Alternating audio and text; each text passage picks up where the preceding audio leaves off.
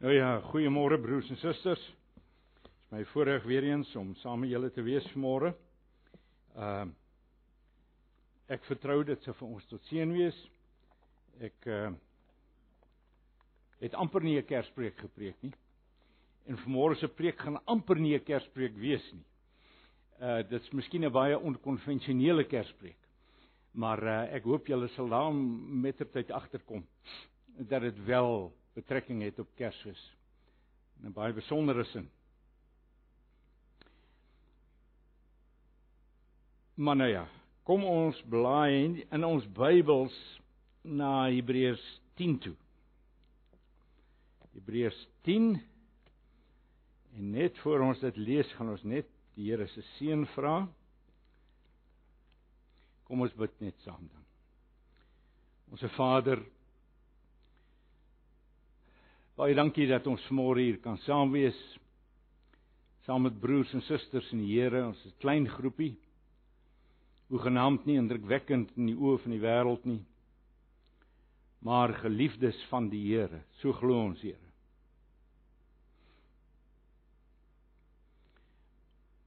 Ons is hier om u lof te besing soos ons nou ook weer gedoen het. En ons is hier om na u woord te luister soos ons aanstonds sal doen. Ons is hier om U te verheerlik om met U gemeenskap te hê. En nou is ons gebed dat U verheerlik sal word vanmôre en dat U kinders hier teenwoordig opgebou sal word in die allerheiligste geloof. Ons vra dat U ons sal begenadig wat dit betref mag ons waarlik opgebou word, gestig word. As ons aanstonds huis toe gaan, mag ons harte weer gevul wees met dankbaarheid en aanbidding. Ons prys u heilige naam en ons vertrou u nou daarvoor. Amen. Nou, ek het net twee kort skrif uh gedeeltes wat ek vir ons wil lees. Die eerste is Hebreërs 10 vers 5 tot 10. Hebreërs 10 vers 5 tot 10. Ek lees dit maar vir ons uit die ou uh, nuwe vertaling uit. Hebreërs 10 vers 5 tot 10. Daarom sê Christus met sy koms in die wêreld: Is nie diereoffer en graanoffer wat u wou hê nie, maar die liggaam wat u my gegee het. Brandoffers en sondeoffers het u nie behaag nie. En toe het ek gesê: "Kyk, ek het gekom o God om u wil te doen." Dis nog altyd die Here Jesus Christus wat hier in die woord is. "Kyk, ek het gekom o God om u wil te doen." In die boekrol, let op daai woord boekrol, is dit van my geskrywe. Hier is dus 'n uh, hierdie hierdie hele aankondiging hier, hierdie hele verklaring hier het 'n het 'n baie formele karakter, amptelike karakter. Dit is opgeteken in die boekrol, jy sien. Eers sê hy en nou is dit die Hebreërs skrywer se kommentaar. Eers sê hy diereoffers en graanoffers, brandoffers en sondeoffers wou u nie hê nie. En het u nie behaag nie. Hoewel hierdie offers deur die wet voorgeskryf word. Daarna sê hy: "Kyk, ek het gekom om u wil te doen." Hy skat dus die eerste skaf dus die eerste offers af om 'n ander offer in die plek daarvan te stel. Omdat God dit so wou, is ons vir hom afgesonder deurdat Jesus Christus sy liggaam as offer gebring het eens en vir altyd. Nou daai frase daar eens en vir altyd is ook uh tipies van die Hebreërbrief en dis die sterk beklemtoning eens en vir altyd wat Christus gedoen het is eens en vir altyd gedoen. Dis nie nodig dat iets daarbey gevoeg word nie. Dis nie iets wat herhaal hoef te word nie. Hoe dit ook al sê, dan ek gaan maar net volledigheidshalwe die profesie wat hier aangehaal word in Hebreërs in Psalm 40 vers 7 tot 9 vir julle lees. Vers 7 tot 9. Dit is nie diereoffers of graanoffers wat u wil hê nie, nie brandoffers of sondeoffers wat u vra nie. U wil gehoorsaamheid hê. Dis Psalm 40 vers 7, vers 8. En daarom het ek gesê hier het ek gekom soos dit in die boekrol vir my voorgeskryf is. Hier kry ons weer die idee van die boekrol. Om u wil te doen, my God, is my een begeerte. U woord is my hele lewe. Nou as ons onsself die vraag afvra en daar besin uh oor wat die drie enige God in hom oor homself aan ons geopenbaar het. Kom ons baie spoedig by die idee van 'n verbond uit. Ons kom nou by uit dat hy 'n God van verbond is.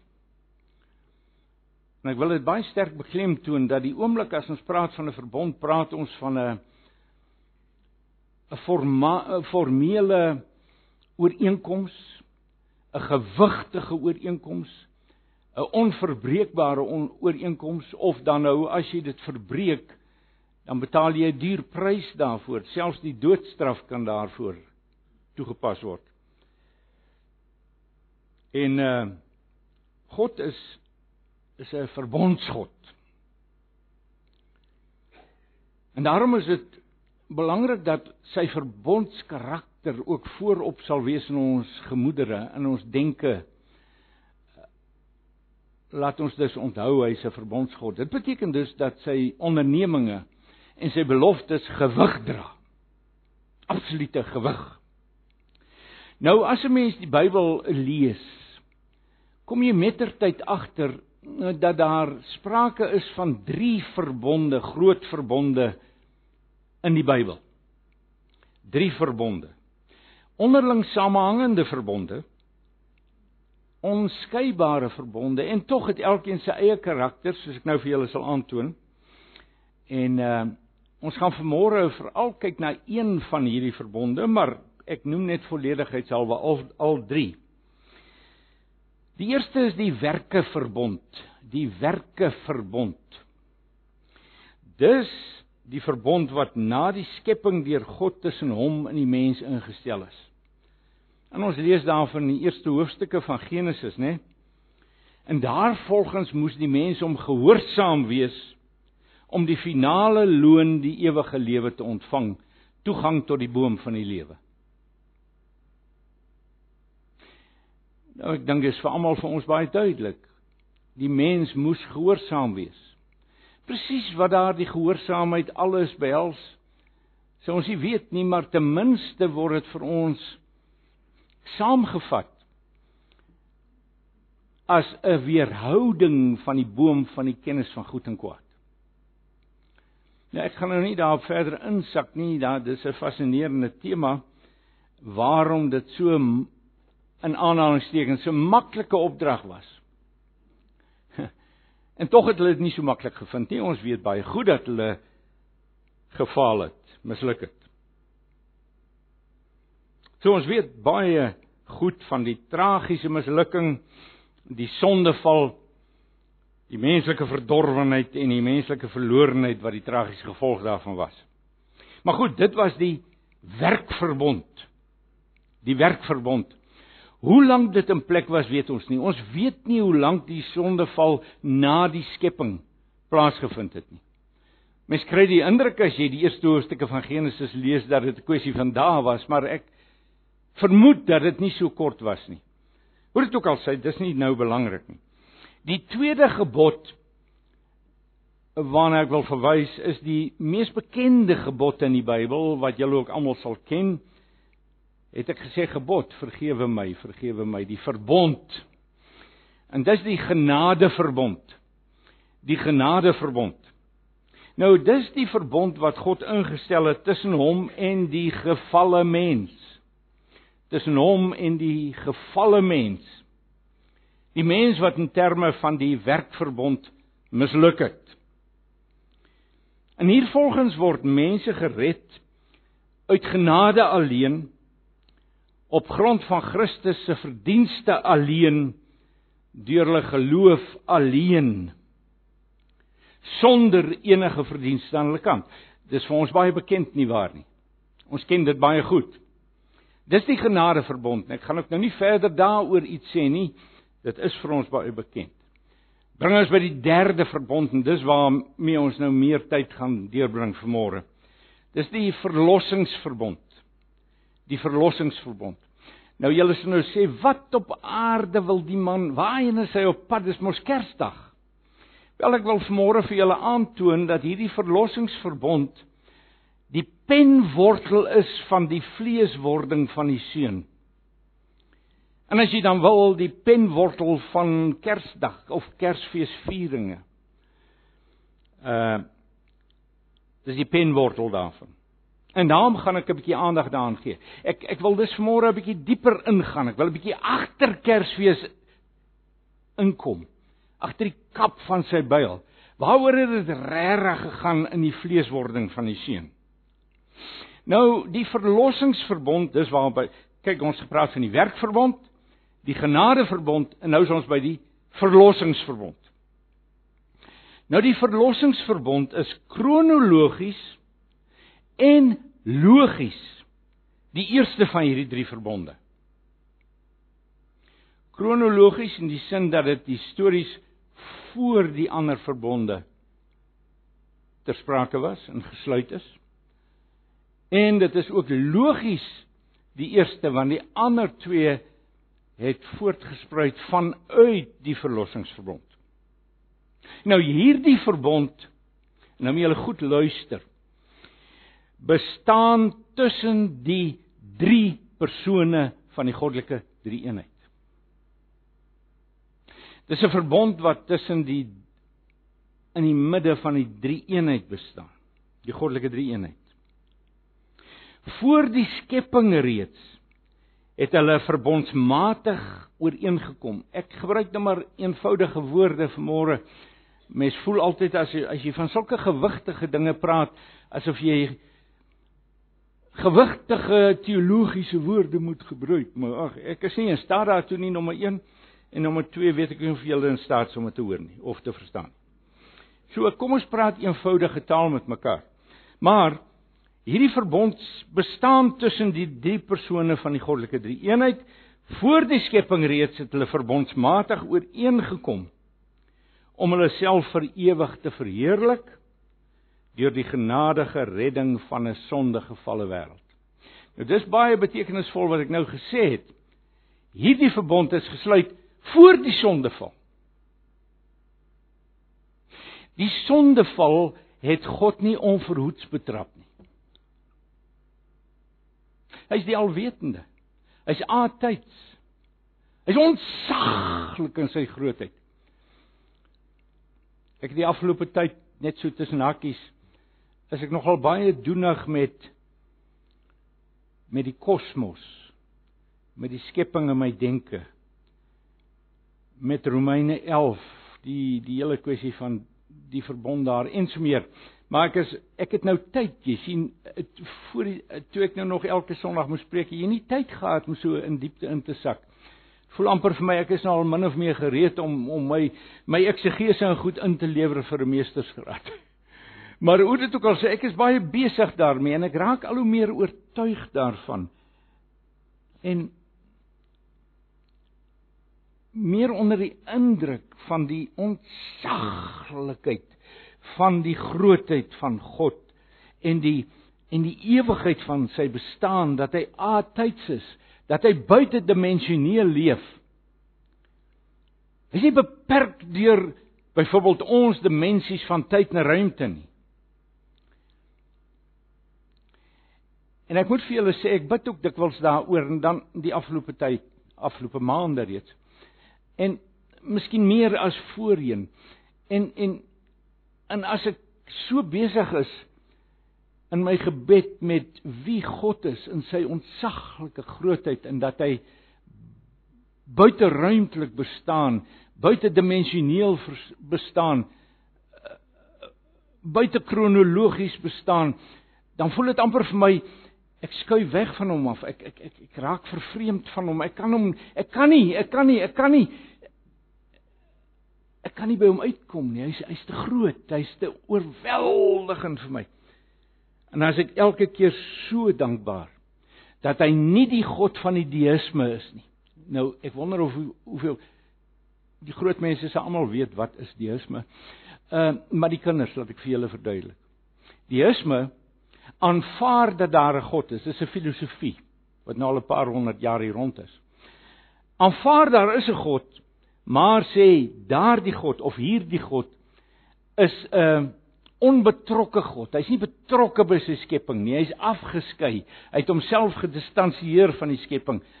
Ons kan hom nie regtig ken nie, maar dit is baie duidelik daar moet 'n God wees agter die skepping. Daar daar selfs die selfs Einstein weet julle selfs Einstein, hy was 'n Jood gewees. Ek skiet nou wyk ek 'n bietjie af, maar my notas is daar nie so lank soos eergister nie. Uh hy het 'n bietjie afgewyk. Uh, nee nee, ek sê hy het aanvanklik het hy gewerk met 'n kosmologie wat ewig is. Hy het aanvaar dat die kosmos is ewig.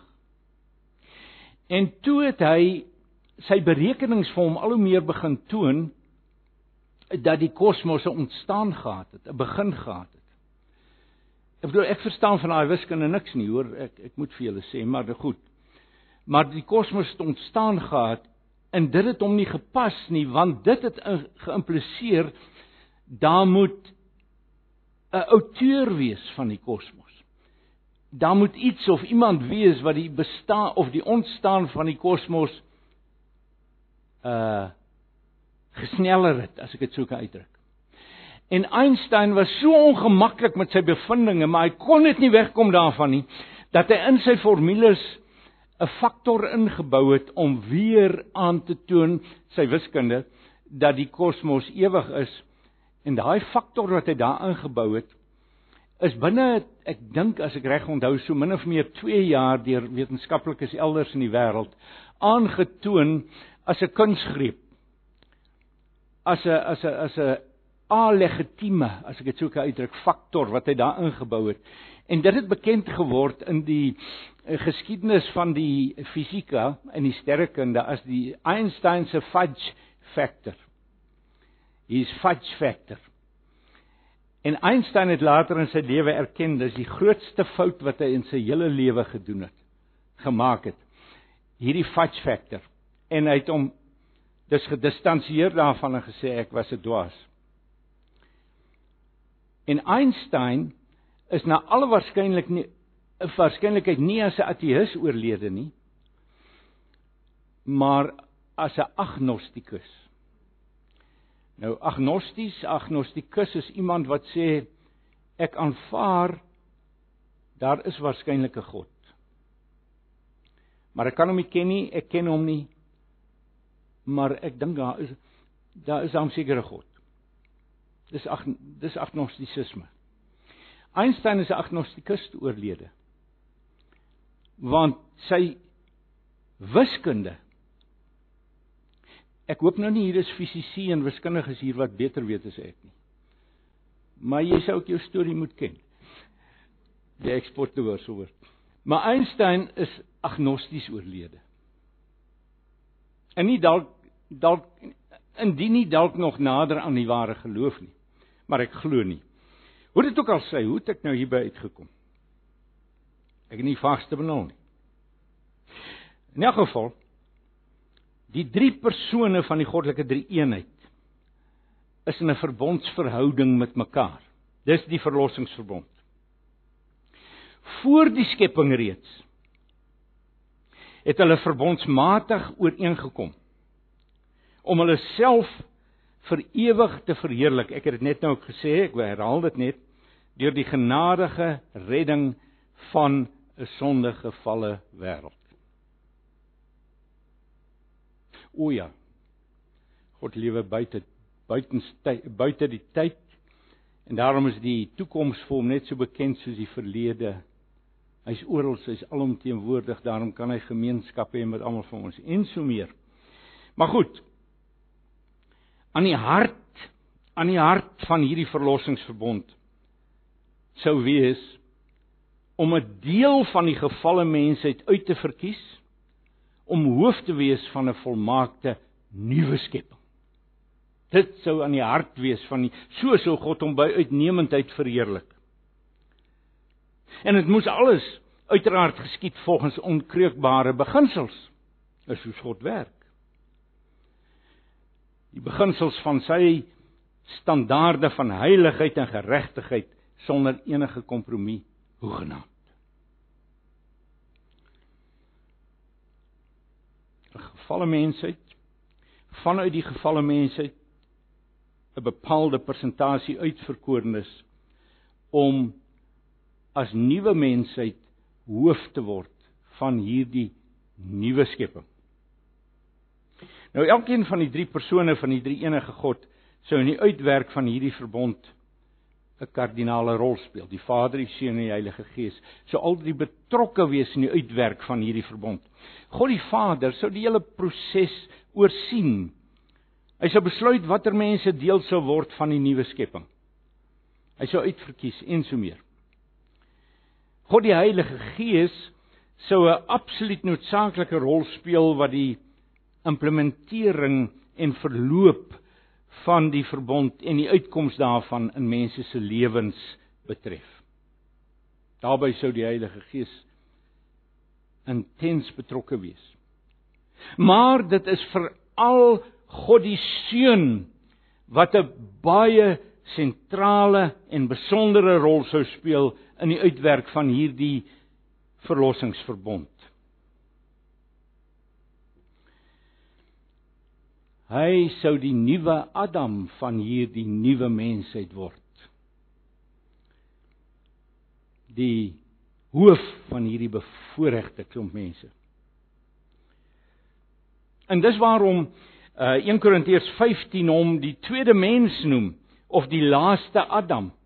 Met ander woorde waar die eerste Adam misluk het en die ou skepping in sonde geval het, sal hy nou die is baie interessant, hy word nie genoem die tweede Adam nie. Hy word die laaste Adam genoem. Want daar sou nie weer 'n Adam nodig wees nie. Kan nie dink wat sou gebeur het as Christus weer in sonde moes val en hy's intens versoek daartoe deur die duiwel. Byvoorbeeld toe hy die woestyn ingevat is. Dan was alles verby. Was alles neusie verby. Dan sou lyk dit vir my en ek sê dit in respek selfs God nie meer 'n antwoord gehad het nie. Hoe dit ook al sê, daarom word hy genoem die laaste Adam omdat daar nooit weer 'n Adam nodig sou wees nie. In Korintiërs 15. Hy moes slag anders as die eerste Adam in die handhawing van God se volmaakte en heilige geregtigheidsstandaarde.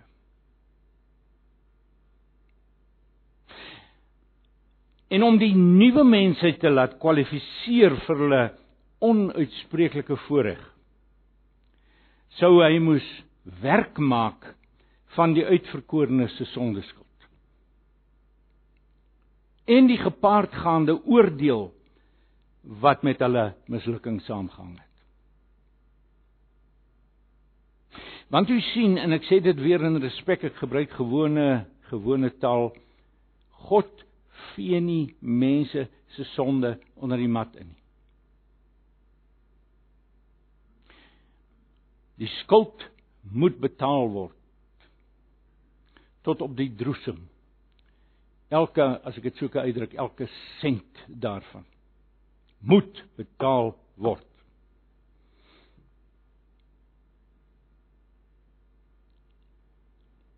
Maar hierdie mense moes nie net vry wees van sondeskuld nie, hulle moes ook kwalifiseer vir hulle voorreg in terme van God se volkomme standaarde van geregtigheid.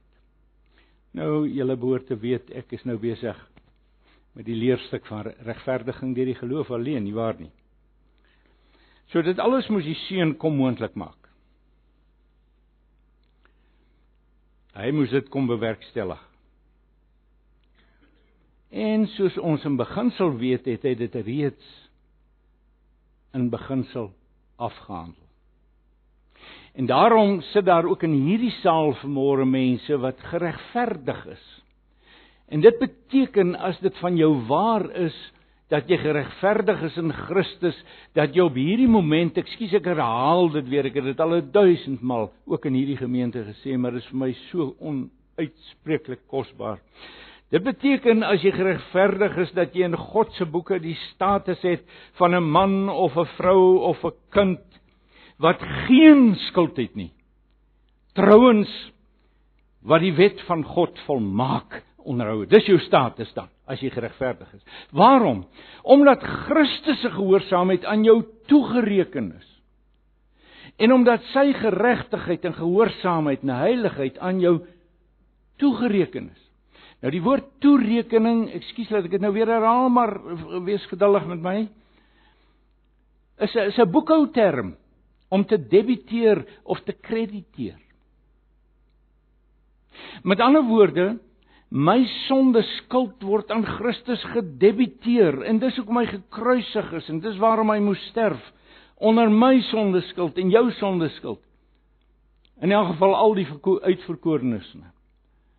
En sy geregtigheid of gehoorsaamheid of heiligheid word aan my toegereken, maar dit geskied in God se boeke. Buite my. Dis objektief, dis nie subjektief primêr nie. En daarom as jy vanmôre in Christus is, my vriend, het jy in God se boeke die status van 'n man of 'n vrou of 'n kind wat nooit gesondig het nie, trouens wat die wet van God volmaak gehoorsaam het. En daarom staan die deur na die ewige saligheid waawyd oopgestoot vir jou. Dit is regverdiging deur die geloof alleen justification through faith alone. En daardie woord alleen is kardinaal belangrik. Want dit is die enigste manier. Daar is nie 'n ander manier. Geen ander manier. O, in beginsel is daar dalk 'n ander manier. Jy leef self 'n lewe van volmaakte geregtigheid. In beginsel is dit seker moontlik. Ek wil nie beledig nie. Maar so seker as ek hier voor staan, is ek seker almal van julle sonder uitsondering is bewus van sonde wat jou sou diskwalifiseer.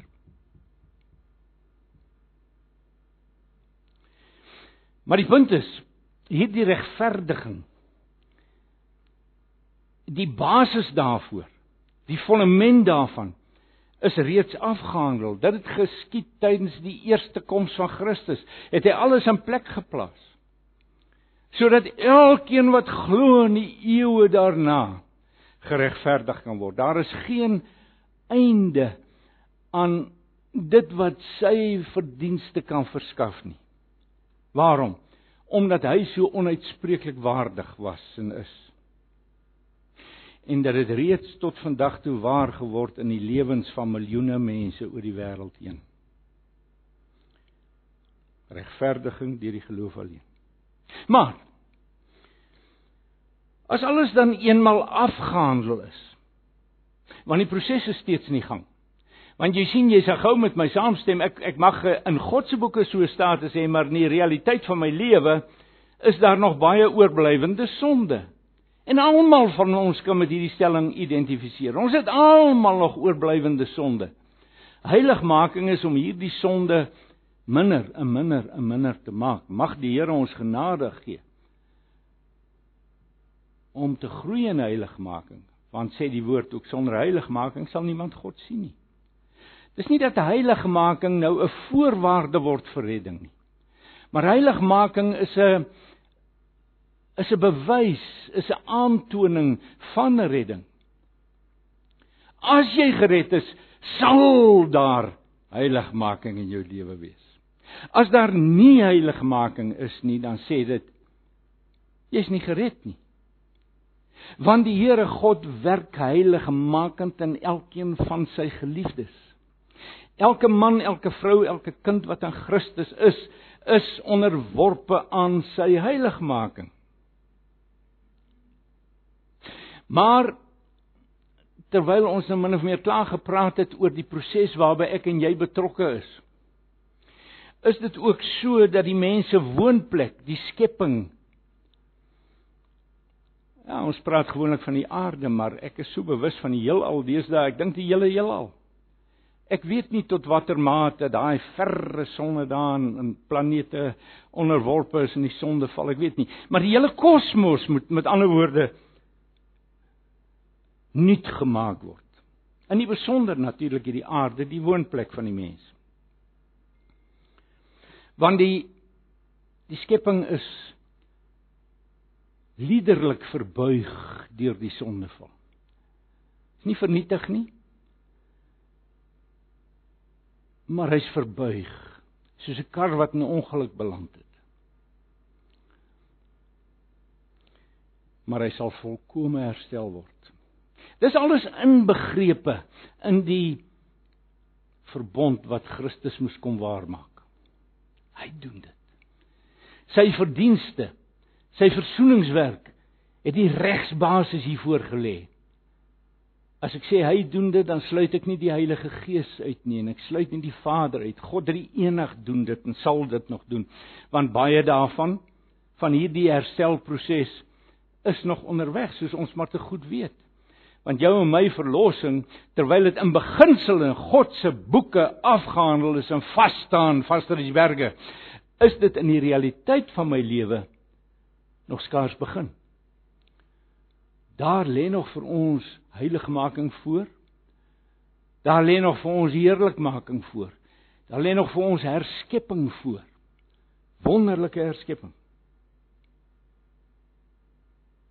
Maar uiteindelik, uiteindelik sal God se verlossingsverbond tot afronding en vervolmaking kom vir ewig en ewig hierdie verbond tussen die Vader en die Seun en die Heilige Gees om hulle self te verheerlik in redding soos ek nou vir julle uitgespel het van sondaars. Dit is die fundamentele verbond van die skrif. Dis die penwortel daarvan. Ek sê weer die genadeverbond en die werkverbond waarna ek net nou verwys het kortliks is voortspruitend hieruit. Dit hang daarmee saam, maar maar die fundamentele verbond, die hart, die penwortel is hierdie hierdie verbond waarvan ons nou so uitgebrei gepraat het. maar julle sal onthou dat ek net nou gesê het dit was nodig dat die seun, God die seun, die tweede persoon van goddelike drie eenheid mens word om hoof te word van die nuwe skepping. En hier is ons skielik by Kersfees. Dis wat gebeur het. Dis wat gebeur het toe Maria swanger geraak het. Dis wat gebeur het. Dis verbuisterend. Soos hulle in Engels sê, mind-boggling dat die tweede persoon, die ewige, almagtige heilige, driemaal heilige God die Seun die gestalte van 'n mens aangeneem het trouens dat hy 'n fetus geword het in Maria se moederskoot. en nou sal vir al die dames weet dat so fetus, Sartjie, jy moet jy's nou vir ons 'n lang lesing daaroor kan gee. Maar so fetus is in die eerste weke klein, gering, nietig iets geweldigs. As ek oor hierdie dinge dink, wil ek aan die grens gaan. Ek wil daaroor grens. Ek bid ek wil daaroor want dit help my om te verstaan. Dit help my om in te kom in die geheimenisse van God in. En daar te bly weer daaroor te dink. Maar goed. Let ons op broers en susters dat die samewerking tussen die drie persone van die drie eenheid verbondsmatig geskied. Dis 'n verbond tussen die Vader en die Seun en die Heilige Gees. En God verbreek nie sy verbond nie. En daarom was elkeen onkreukbaar getrou in die uitwerk hiervan. Nou nou sien julle skielik met my saamstem, hoewel daar nie spesifiek 'n hoofstuk of 3 wat sulke uitgewys sou kan word wat nou hierdie skepingsverbond met ons behandel nie. Sê hulle met my saamstem, die hele Bybel is boordevol daarvan. Van A tot Z kry jy hierdie suggesties en kry jy die veronderstelde verstaan van en kennis van hierdie skepingsverbond. Maar kom ek verwys net na een of twee daarvan. In Psalm 2 vers 7 tot 9 wat deur die Nuwe Testament as messiaans verklaar word. Lees ons. Ek wil vertel wat die Here aangekondig het. Hy het vir my gesê, "Jy is my seun.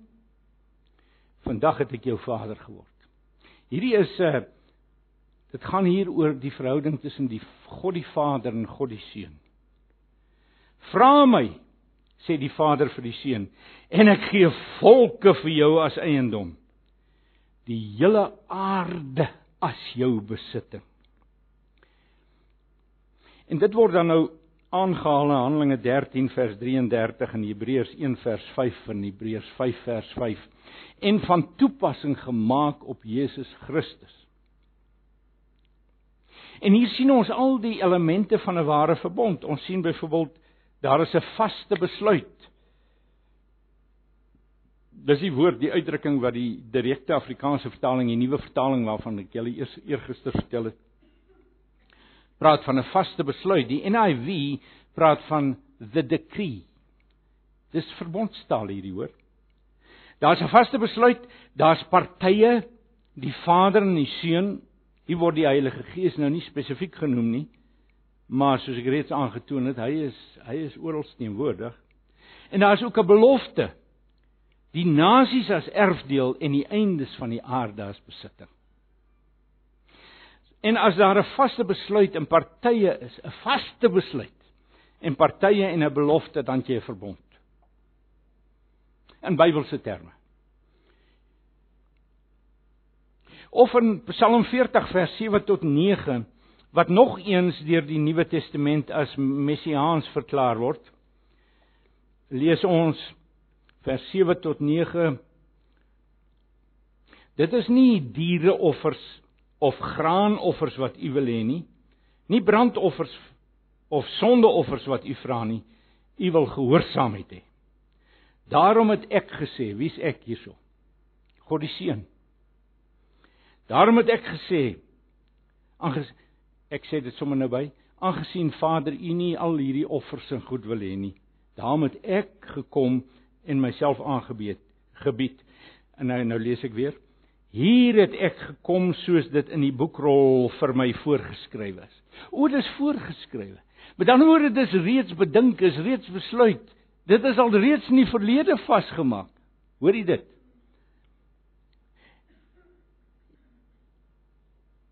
Hy sê en ek het gekom om u wil te doen, my God. Is my een begeerte. U woord is my lewe.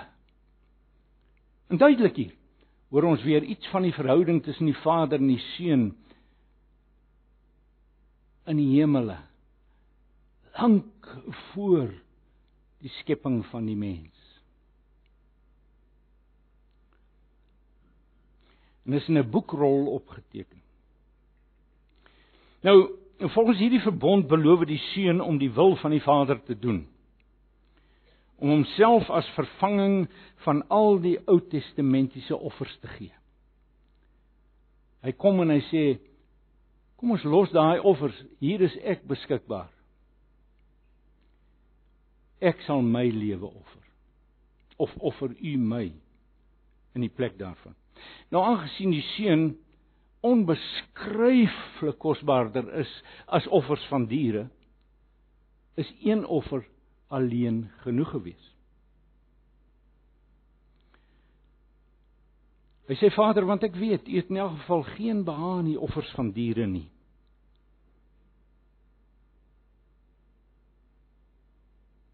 En waarom het Christus dit gedoen? Sodat ons eens en vir altyd vir God afgesonder kan word deurdat hy werk gemaak het van ons sondeskuld. Want dit is tog waarom daar geoffer is om verzoening te doen vir die sondes. Nou word so dikwels in die skrif van hierdie verlossingsverbond gepraat waarna ek nou verwys sonder dat dit by die naam genoem word, maar die ja, dit word veronderstel oral. Of dit word so dikwels daarop gesin speel dat ons sou kon aanhou en aanhou met aanhalings. Maar goed, kom ons volstaan hiermee. En nou wil ek net nog dit sê voor ek by enkele punte, net enkele punte van toepassing kom. Die Vader se rol in hierdie verlossingsverbond is uiteraard ook belangrik. Want 'n verbond het twee kante. Ons het nou tot nou toe die seun se rol beklemtoon in verantwoordelikheid en die vader se rol. Wel, hy het 'n liggaam vir die seun berei.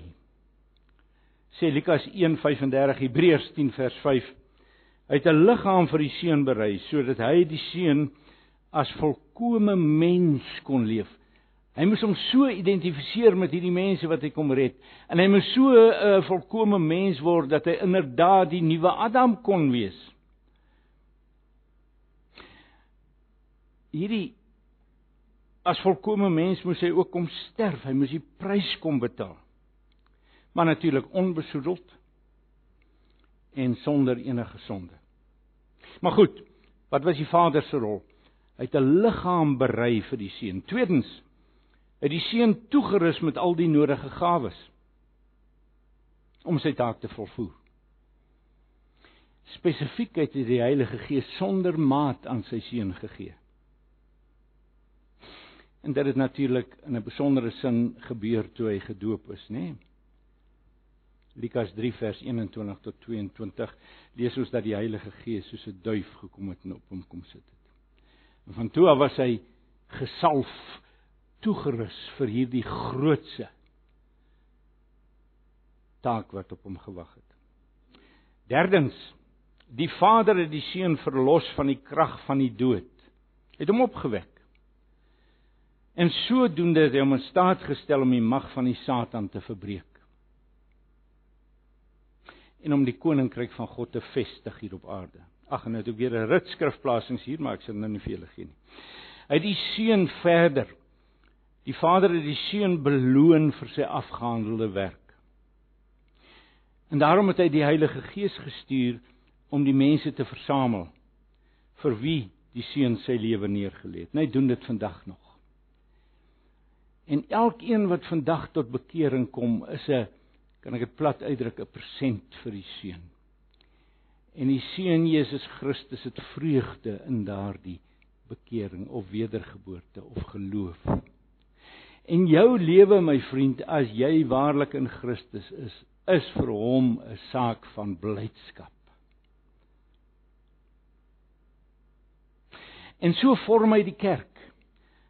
En nou dink ek nie in terme van die instituut nie.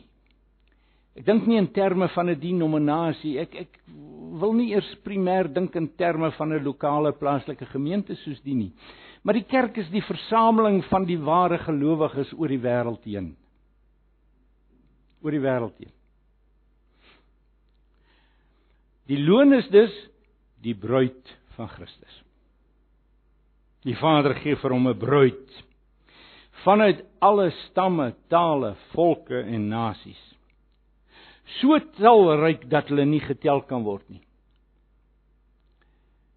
Ek wil nie waag om 'n persentasie van die wêreldbevolking nou te tipeer as deel van die liggaam of die bruid van Christus nie. Dit sal ek nie weet nie. Al wat ek weet, daar is baie mense in hierdie wêreld wat hulle self as Christene beskou, maar nie is nie. Maar die punt is net daar's ook baie mense wat ons dink nie gered sal word nie, wat inderdaad gered sal word. Ek dink so. Hoe dit ook al sê, dis nou nie waaroor dit gaan. En natuurlik die Vader gee ook aan sy seun krag en gesag om die wêreld en sy kerk te regeer. Weereens skrif skrif skrif, maar ek gee dit nou nie vir julle nie. Uiteindelik sal hy hom bekleë met die heerlikheid wat hy van ewigheid af gehad het.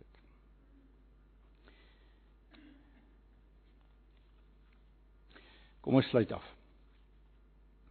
Nou kan jy sien my vriend. Ons redding is nie blote arbitreëre guns wat uit jammerte aan ons betoon word nie. Nee, 'n duisend maal nee. Dis 'n hoogs ordelike, logiese, formele, juridies korrekte gebeurtenis.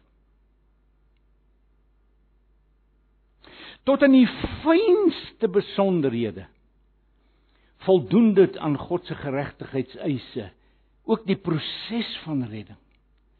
Jy kan nêrens 'n mespunt inkry in die logika van dit alles nie. En dis die wonder van die evangelie. Dink maar daaraan, hou aan dink en dink al hoe dieper daaroor en jy sal al hoe meer onder die indruk kom van die ordelikheid en die juridiese korrektheid en die absolute integriteit van die reddingsproses. Ons is besig met die slot. En let verder daarop. Ek het dit reeds gesê, maar net om die sakkie toe te knoop, redding het nie op die ingewing van die oomblik plaasgevind nie. Dis al besluit en vervat in die verbond waaroor ons nou vanmôre gepraat het wat voor die skepping van Adam en Eva, voor die skepping van die aarde reeds gesluit is. Was dis nie 'n geval dat die Vader eers wou sien of mense Christus aanneem nie en hoe hulle daarna vaar nie. Nee nee. Reeds voor die grondlegging van die aarde is dit in terme van die verlossingsverbond vasgemaak. En daarom kom die Bybel ook en sê vir ons die uitverkiesing het plaasgevind voor die grondlegging van die aarde. Jy sien dit ons met 'n altydse met 'n alwetende God te doen. En daarom is die toekoms vir hom so bekend soos die verlede. Hy is nie onderworpe aan ons dimensies van tyd en ruimte of watter dimensies ook al ek het al gelees party mense sê daar's sprake van 'n stuk of 10 dimensies in die kosmos. Ek verstaan dit nie. Maar goed. Nee nee, dit alles is reeds voor die grondlegging van die aarde vasgemaak. Volgende punt.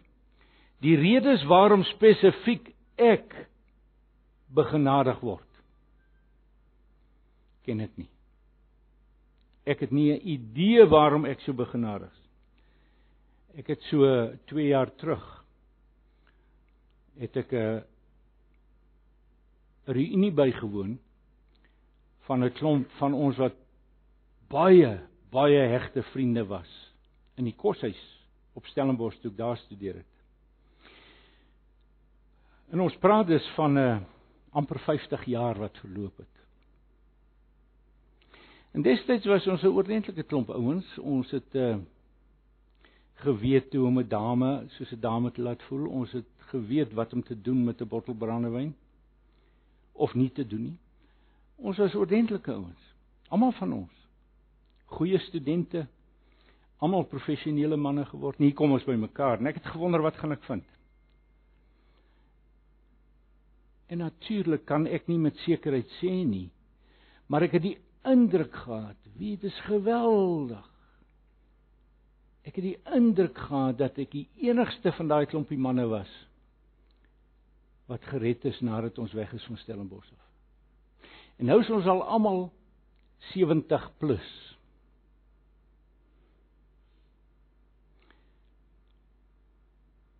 Ek bid nou nog vir hulle. Ek bid vir hulle. Maar maar dis geweldig. Hoekom ek? Want ek was net soos hulle. Net soos hulle. Niks anders nie. Ek was nie vromer nie. Ek was trouens in 'n sekere sin meer selfvoldaan, meer uh fariseïsties en so meer. Hoekom ek? Dis die Here se uitverkiesing. En ek weet nie hoekom nie, maar hy het my gekies om deel te hê en hy het vir jou gekies my vriend as jy in Christus is of vriendin om deel te hê aan die verlossingsverbond. Volgende punt. Laat ons weer en weer ons daarin oefen om vanuit die verlossingsverbond te leef. Vat hierdie goed wat jy nou vanmôre gehoor het. As jy dalk ietsie nuuts gehoor het of dalk ietsie geleer het, knoop dit in jou kop, vat dit saam en leef vanuit hierdie waarheid verlustig jou daarin, vind jou sekuriteit daarin en laat jou dankbaarheid en jou aanbidding teenoor die Here ontspring vanuit hierdie wonderlike waarhede. Volgende punt van toepassing. Die enigste vraag wat ek weer en weer moet vra.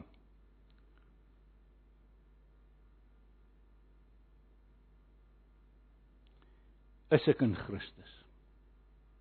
is ek in Christus. Het ek inderdaad 'n deel aan hierdie verlossingsverbond?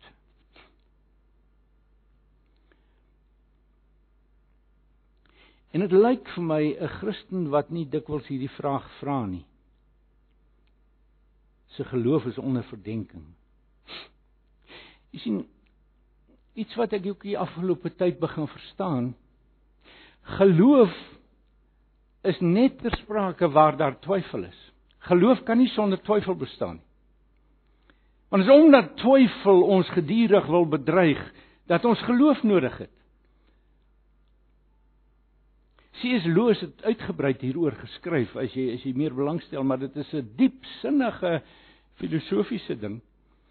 En hoe meer mense daaroor dink, hoe meer word jy gefassineer daarteenoor. So die feit dat jy partymal moet worstel met ongeloof en twyfel, sê nie dat jy nie gered is nie.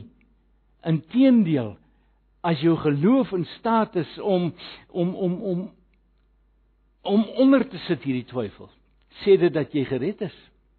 Maar geloof en twyfel loop altyd hand aan hand. Jy het nie geloof nodig as dan nie ding soos twyfel is nie.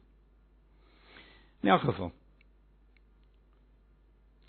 Broers en susters, mag die Here ons help om ons sekerheid van saligheid en ons onwankelbare sekuriteit te put uit die glasheldere openbaring in die skrif.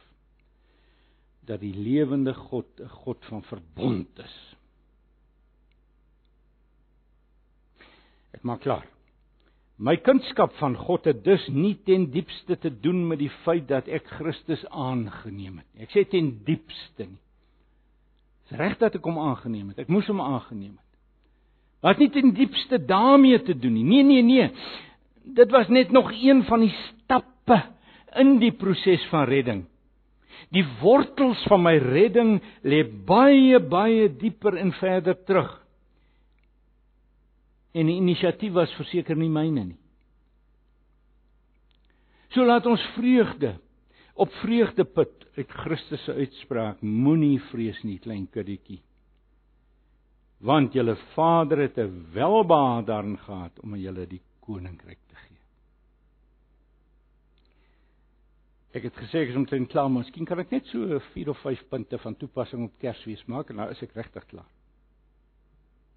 Maar kan nie nou begin sien waarom ek het gesê waarom ek gesê het dat ons gaan vandag kyk na die penwortel van Kersfees.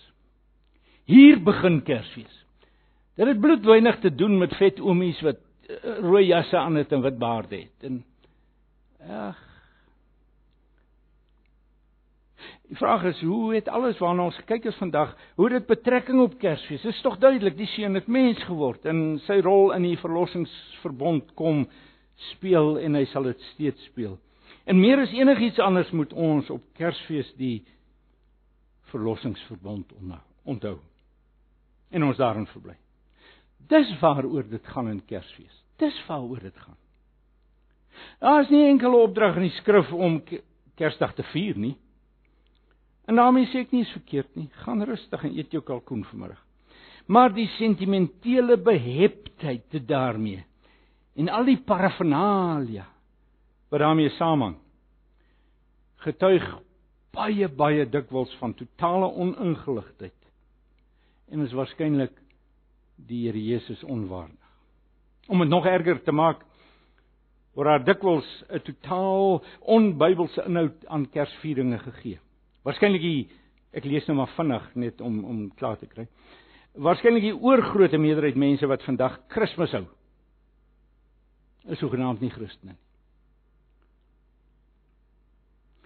Ek het as kind was ek baie dikwels Kersfees by my oupaale op 'n dorpie in die Karoo en dan het die mense gekom wat daar eenkant gebly het, julle weet van wie ek praat. Kersfees my baas, Kersfees my baas. En as jy nader kom, dan ruik jy die sherry asem. Kersfees my baas. Dit het 'n ronde ronde ronde nul te doen met waaroor ons môre gepraat het. En dan net nog 'n gedagte. Ek wonder dikwels of ons so op Christus se geboorte moet fokus. Dit was 'n heel natuurlike geboorte. Dood natuurlike geboorte, Sartjie, jy sal dit verstaan. Nee nee. Die wonder van wondere het eintlik 40 weke vroeër plaasgevind met die ontvangenis in die moederskoot voor sy geboorte. Toe Maria swanger geword het, toe is die seun van is dit nie is dit nie verbuisterend nie. Die seun van God mens geword en hy's ingeplant as 'n klein ek wil amper sê aanvanklik mikroskopies klein fetus in die meisie Maria se moederskoot. Jy sien, toe hy gebore is, was hy al vir 9 maande volkomme mens.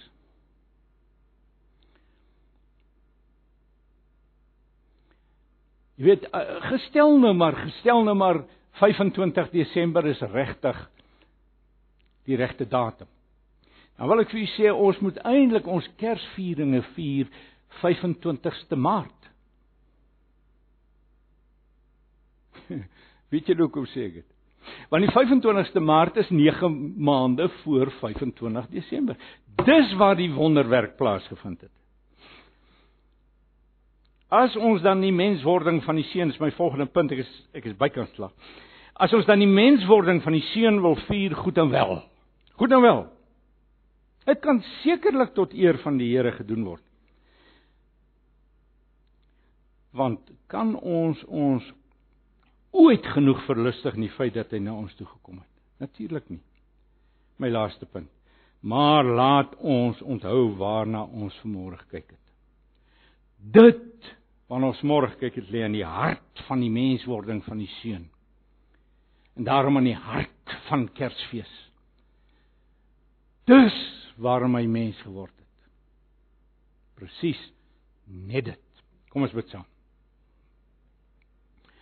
Onse Vader, ons sê vir U baie baie dankie dat die tweede persoon van die goddelike drie-eenheid mens geword het. Gaan ons verstand te bowe, maar ons glo dit. Ons ken hom. Ons is van daardie mense van wie die Here Jesus vir Thomas gesê het: "Thomas, jy het nou jy het nou gesien en nou glo jy, maar daar sal baie wees wat nie sal sien nie en tog sal glo." Baie dankie vir die gawe van geloof in hierdie seun. Jesus Christus, die laaste Adam, die hoof van die nuwe mensheid. Prys U naam en dankie vir ons heerlike vooruitsig. Mag dit ons lewens beheers. Ons vooruitstuur in hierdie lewe.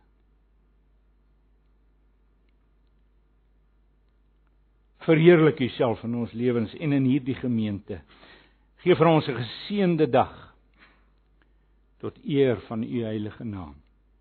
Ag broers en susters, mag die genade van ons Here Jesus Christus en die liefde van God ons se Vader en die gemeenskap van die Heilige Gees met almal van ons wees as ons hiervandaan gaan. Amen.